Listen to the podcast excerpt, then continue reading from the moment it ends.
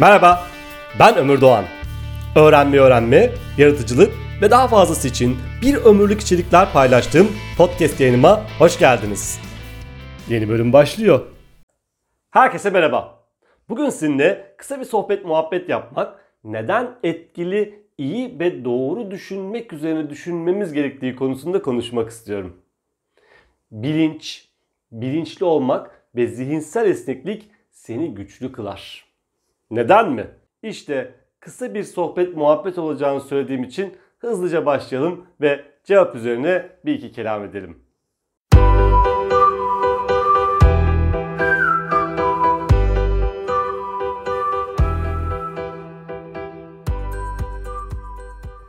Bir insanın sabit yani fixed mindset'te olduğunun göstergelerinden biri de hayattaki her şeyi öğrendiği bir şeyle açıklamaya çalışmasıdır.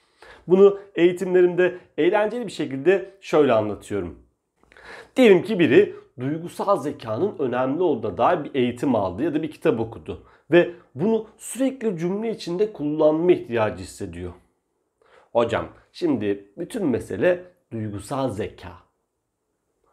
E, ama ben şu anda inşaat projesi çiziyorum ve statik hesabı benim için çok önemli. Olsun olsun. Gene de duygusal zeka çok önemli. ya da bir başka örnekte. E, ama biz şu anda elimizdeki işi bitirmek zorundayız Ahmetçim. Ya şimdi e, hocam işi bitirememe nedenimiz hep duygusal zeka. Bu arada bunu bazen gerçekten düşünüyorum biliyor musunuz? Özellikle duygusal zekanın çok önemli olduğunu e, ben de iddia ediyorum. Bu gerçekten çok önemli ama e, uzunca yıllar duyguları ve duygusal zekayı ihmal ettiğimiz için duygusal zekanın eksikliğini o kadar çektik ki çubuğu duygusal zekaya ve duygulara bükerken bazen büktüğümüz çubuğu kırıyoruz. Ve düşünceler, nasıl düşündüğümüz, bilinç, bilinçli olma hiç önemli değilmiş gibi davranıyoruz. Hatta son dönemde iş hayatında içinde benim de olduğum çok az insan dışında düşünme, düşünmeyi düşünme, etkili düşünme, eleştirel düşünme, sistemik düşünme gibi konularda çalışan, üreten pek yok. Oysa gerçekten her şey psikolojiden ve duygulardan ibaret değil. Üstelik duygular düşüncelerden bağımsız hiç değil. Aslında birbiriyle çok derin bağları var. Düşünceler duyguları, duygular düşünceleri yaratıyor. Dolayısıyla iş hayatında duygular kadar düşünceler ve düşünme üzerine düşünmek de önemli ve bu konu üzerine daha fazla çalışmalı ve daha fazla kafa yormalıyız. Örneğin bugün resilience kavramı çok konuşuluyor ya. Bazıları bunu duygusal dayanıklılık olarak ifade ediyor. Doğrudur. Bir yanıyla duygusal dayanıklılıktır resilience olmak. Duygusal olarak hacı yatmaz olmaktır. Ancak daha fazla zihinsel olarak esnek olmaktır. Yani zihinsel esnekliktir. Ve hayatta nereden, hangi düşünce sistematiğiyle baktığınızla, hayata hangi düşünce sistematiğiyle baktığınızla, olayları nasıl yorumladığınızla çok ilişkilidir. Jung'a atfedilen bir söz vardır.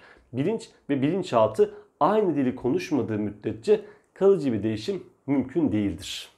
Ve e, optimum denge modelinde Tamer Hoca bilinçaltını doğal bir sistem, bilinci ise düzenleyici sistem olarak yorumlamıştı.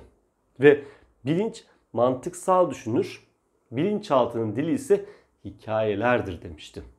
Bu yüzden hikayeler öğrenme için harika araçlar olduğu kadar insanları kandırmak için de harika araçlardır. Dolayısıyla bir hikaye dinlerken ona inanmaya ve ikna olmaya daha açığızdır ve bu yüzden hikayelere bazen eleştirel yaklaşmak. Yani üzerine düşünmek, hikayeyi mantıksal olarak sorgulamak gerekir. ne diyordum? E, resilience olmak, e, duygusal olarak hacı yatmaz olmak olduğu kadar zihinsel olarak esnek olmak. Yani bir diğer yanıyla öğrenmede çevik olmak, atik titik çevik öğrenmek, hızlı öğrenmek, her anı bir öğrenme fırsatı olarak değerlendirmek ve otomatik pilotla yaşarken bazen direksiyona birinci geçirmektir. Şuurlu olmak ya da şuursuzluk diye bir şey var.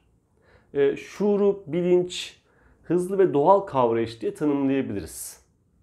Ve inanın bana kendinizi sıkışmış, çaresiz ve kötü hissettiğinizde belirsizlik ve karmaşayla baş etmekte zorlandığınızda şuurlu olmak sizi o sıkışmışlıktan kurtarabilir.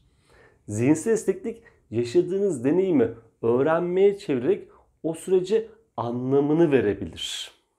Özetle yüreğinizi ferah tutun ve aklınızı başınıza alın sevgili dostlar. Ne demişler? Akıl başta lazım. Son olarak sizden bir ricam var. YouTube kanalıma sadece abone olmakla yetinmeyip kanalıma abone olmaları için dostlarınızla, sevdiklerinizle paylaşmanız harika olur. Yani böyle bir paylaş tuşuna basıp bu videoyu paylaşıp arkadaşlarınızla bu kanala abone olmalarını rica edebilirsiniz. Böylece hem onların öğrenme, öğrenme, etkili düşünme ve yaratıcı düşünme konularında çok önemli bir kaynağa sahip olmalarını sağlarsınız. Hem de benim daha fazla öğretmem konusunda bana destek olursunuz. Şimdiden teşekkür ediyorum. Hoşçakalın.